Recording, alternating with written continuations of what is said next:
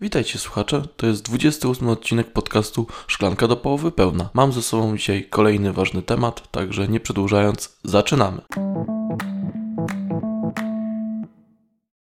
A w dzisiejszym odcinku chciałbym Wam zwrócić uwagę na jedno z największych negatywnych zjawisk we współczesnej polskiej szkole. I nie będzie to problem ze statutami szkolnymi, bowiem te zostawiam prawu Marcina, on sobie z nimi świetnie daje radę. Ja z kolei chciałbym Wam powiedzieć kilka słów y, o zjawisku, które obecnie jest często y, nadużywane i źle interpretowane, czyli o hejcie w szkole. Według Wielkiego Słownika Języka Polskiego, hejt to potocznie ogół negatywnych emocji i ocen, które wyrażają się we wrogich i krzywdzących wypowiedziach pojawiających się masowo. Ale jako, że hejt jest y, bardzo szerokim zjawiskiem, to w dzisiejszym odcinku skupię się na tym hejcie, który dotyczy osób, które są e, w takim okresie życia, że są bardzo wrażliwe, chcą dopasować się do grupy i które są dużo bardziej podatne na ten hejt, dużo łatwiej jest je skrzywdzić niż na osobach dorosłych. O osobach dorosłych możliwe, że kiedyś stworzę osobny odcinek, ale dzisiaj właśnie o hejcie w szkole. Na początku chciałbym Wam zwrócić uwagę na to, z jakich powodów dzieci są wyśmiewane. I tu wypisałem sobie kilka takich, y, takich tematów, którymi e, wiąże się właśnie hejt. Między innymi jest to e, waga, bowiem często dzieciaki wyśmiewają się z tego, że ktoś jest albo za gruby, albo za chudy, nie mając świadomości, że ta waga może się wiązać z tym, że ktoś, nie wiem, albo w domu y, nie ma na jedzenie i jest przez to strasznie wychudzony i nie ma na obiady w szkole, albo w drugą stronę, jak jest na przykład osobą e, z nadwagą czy z otyłością, może się to wiązać z jakąś poważną chorobą, przez co bierze leki, które powodują, że ma większe zapotrzebowanie na jedzenie i że po prostu tyje, a dzieci są okrutne i nie zwracają na takie rzeczy uwagi, albo nawet nie chcą zwracać na te rzeczy uwagi i jest to często właśnie e, przedmiotem hejtu. E, dzieciaki często wrzucają zdjęcia swoich kolegów, koleżanek do internetu i śmieją się właśnie z tej wagi. Kolejna sprawa to właśnie to, co się wiąże też z tym e, pierwszym e, czynnikiem, o którym mówiłem, więc między innymi z wagą, jest to e, kwestia niepełnosprawności i różnego rodzaju chorób. Nie wiem, czy u Was w Waszej karierze szkolnej zdarzyło się tak, ale w mojej właśnie tak było, że niektórzy rodzice dzieci z niepełnosprawnością, aby ułatwić im ten początek początek e, wejścia w społeczeństwo, do dorosłego życia, e, starali się, żeby to ich życie było jak najbardziej normalne i w związku z tym posłali dzieci z niepełnosprawnością e, do szkoły takiej, w której się uczyły dzieci pełnosprawne, właśnie żeby zobaczyły, że one nie ma z nimi nic złego, że one mogą normalnie współpracować współżyć z e, całym społeczeństwem. I tutaj e, spotykały się takie dzieciaki właśnie z ostracyzmem, były właśnie e, napiętnowane przez to, że było im ciężej, bo były właśnie niepełnosprawne albo fizycznie, albo intelektualnie i dzieciaki właśnie często za ofiary ci oprawcy brali sobie te jednostki słabsze, właśnie te jednostki, które cierpiały na różnego rodzaju niepełnosprawności. A z tym czynnikiem, oprócz tego, że są osoby właśnie w szkole, które mają różnego rodzaju choroby, wiąże się kolejny czynnik, którym są niedoskonałości ciała. No bo przecież to, że e, ktoś ma, nie wiem, rude włosy, jest piegowaty, albo ma te włosy długie, albo krótkie, albo nie wiem, ma, ma jakieś e, kończyny, e, które są, jedna jest dłuższa czy krótsza, no to nie znaczy, że jest jakiś gorszy słabszy czy nie wiem, niepotrzebny właśnie w tkance społecznej, a dzieci często zwracają uwagę na takie rzeczy, że ktoś się swoim e, wyglądem wyróżnia. Także e, na pewno to też jest jeden z czynników, który wpływa na to, że e, są takie osoby wyszydzane w szkole. Następna taka ważna sprawa to jest poziom zamożności rodziny. Często dzieci są wyśmiewane za to, że e, jedni mogą sobie pozwolić na jakieś tam e, ubiór, czy też gadżety elektroniczne, a inni nie. E, ja doświadczyłem tego, będąc w szkole, widziałem, jak e, jedne dzieciaki e, potrafiły się wyśmiewać z drugich, bo niektórzy nie mieli sobie, nie mogli sobie pozwolić na przykład na Gameboya, to było te 15 lat temu, czy 20 już, na jakieś markowe buty, później już w gimnazjum, czy na, jak była moda na pierwsze iPhony, na jeszcze iPody, że niektórzy nie mogli sobie sobie na to pozwolić i te osoby, które właśnie miały jakieś rzeczy e, niemarkowe albo po prostu było zauważalne to, że bardzo często noszą te same rzeczy, to były właśnie z tego powodu wyśmiewane. E, oczywiście próbowano to zahamować poprzez e, wprowadzanie mundurków. To się na zachodzie sprawdziło, że właśnie wszyscy są jakby zrównani, nie widać tego poziomu zamożności rodzin, dzięki temu, że osoby właśnie uczniowie się ubierają tak samo. Natomiast y, z mojej perspektywy to nie zdało w ogóle egzaminu, bo przecież y, no, dzieciaki spotykają się też po szkole i po szkole widzą, kto do jakiego domu wraca, więc to, to jest takie bardzo powierzchowne, że ja, jeżeli wprowadzimy jakiś mundurek, jednolity strój w szkole, to nagle ten problem zniknie. Ten problem leży dużo głębiej i należałoby wprowadzić jakieś inne inne zmiany bardziej y, pod kątem y, jakichś pogadanek z psychologami, z odpowiednimi osobami, które mają kompetencje, żeby wyjaśnić y, tym młodym ludziom, że status materialny nie jest najważniejszą rzeczą w życiu. Innym czynnikiem, który wpływa na to, że uczniowie są ofiarami hejtu w szkole, jest również orientacja seksualna, co się stało e, ostatnio takie bardzo na czasie, bo dużo szkół zaczęło z tym walczyć. Jest wiele szkół, które właśnie jest szkołami które współpracują z różnego rodzaju organizacjami pozarządowymi w walce z hejtem na osoby LGBT. I wydaje się, że idzie to w dobrą stronę, e, bo przecież Polska była zawsze krajem, który w Europie i na świecie słynął z tego, że był państwem bez stosów, państwem tolerancyjnym, także powinniśmy te tradycje pielęgnować, że jesteśmy społeczeństwem, gdzie e, każdy ma swoje miejsce, każdy może sobie żyć i nie szkodzić drugiej osobie. Także wydaje mi się, że e, ten problem na pewno istnieje, ale widać jakby, że system stara się z tym problemem walczyć a z drugiej jakby strony y, ideologicznej i politycznej są y, dzieciaki, które są wyszydzane ze względu na to, że y, nie wiem, wychowują się w ortodoksyjnych rodzinach, które są bardzo religijne i są wyszydzane ze względu na to, że właśnie pielęgnują te wartości religijne i pokazują je na zewnątrz. I to też jest y, na pewno duży problem, że y, tak się mienimy jako społeczeństwo, że y, pomagamy różnego rodzaju w różnego rodzaju akcjach, że potrafimy się zjednoczyć, jeżeli trzeba,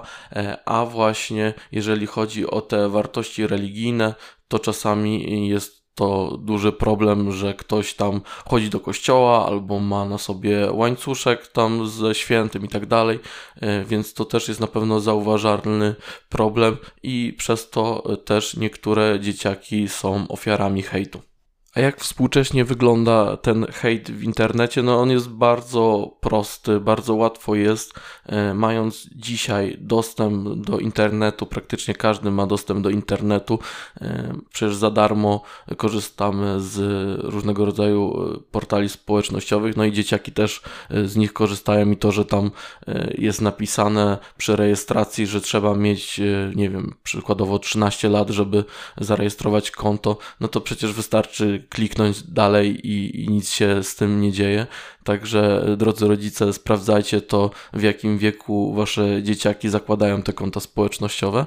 A wracając do tego, jak ten hejt się szerzy, no to powstają różnego rodzaju e, grupy na Instagramie, na Whatsappie, przez które właśnie dzieciaki e, przesyłają sobie e, różnego rodzaju zdjęcia, różnego rodzaju przeróbki.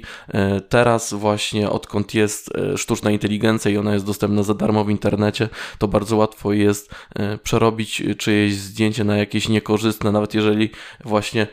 jest to normalne zdjęcie, bo wcześniej mam wrażenie, że było tak, że po prostu ci oprawcy starali się, żeby zmusić tą ofiarę do jakiejś tam pozy, czy zrobili, robili zdjęcia w takich momentach jakby krępujących, żeby później te zdjęcia przekazywać dalej w internecie, a teraz nawet nie muszą, po prostu zrobią normalne zdjęcie, czy wykorzystają nawet e, zdjęcia z jakiejś tam wycieczki szkolnej i tak dalej i mogą te zdjęcia dowoli przerabiać na jakieś takie zdjęcia z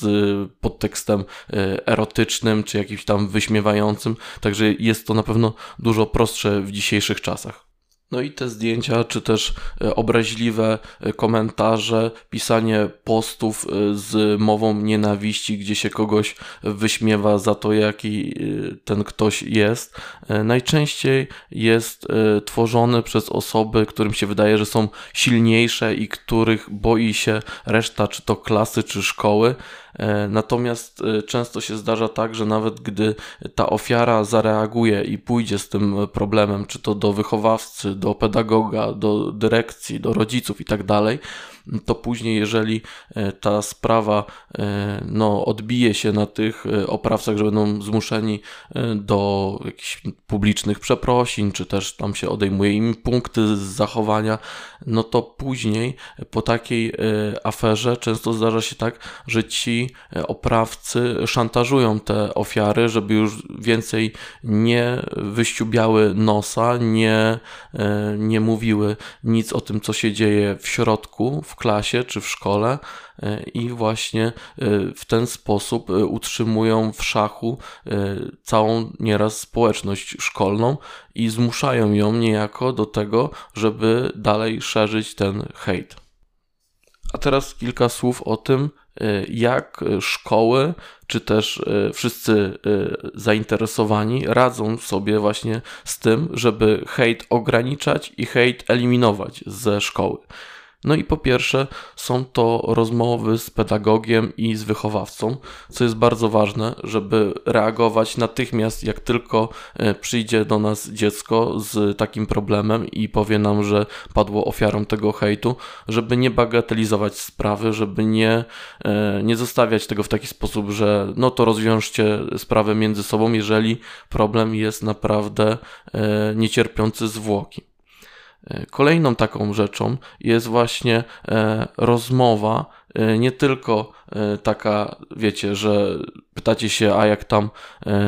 zadanie domowe, jak tam sprawdzian, taka rozmowa regularna z dzieckiem o tym, co się dzieje w szkole i nie tylko o tym, czy to dziecko jest e, ofiarą hejtu, ale także czy na przykład w klasie nie ma kogoś, kto właśnie tą ofiarą hejtu jest, a nie ma e, wokół siebie e, rodziców czy, czy rodziny takiej, która by właśnie coś z tym faktem zrobiła. Ponadto taką przydatną na pewno e, opcją w walce z hejtem i taką, która się dzieciakom mam wrażenie bardzo podoba, są lekcje pokazowe, czy to Straży Miejskiej, czy Policji, e, na temat tego, czym jest hejt i jakie są konsekwencje hejtu, zarówno dla tej osoby, która pada jego ofiarą, czyli dla pokrzywdzonego, no jak dla również nieletniego, który się tego hejtu dopuszcza, jakie są konsekwencje między innymi e, prawne. Więc wydaje mi się, że to e, może działać e, edukacyjnie, może działać odstraszająco na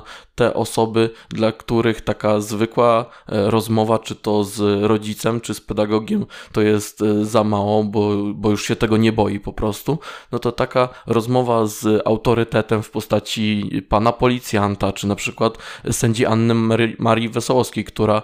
często jeździ właśnie po szkołach z takimi e, edukacyjnymi programami, może zadziałać właśnie prewencyjnie, e, albo jeżeli już ten hejt jest, to może zadziałać właśnie w taki sposób, że zarówno ta ofiara nabierze świadomości, że może szukać pomocy, że to nie jest nic złego, żeby o takim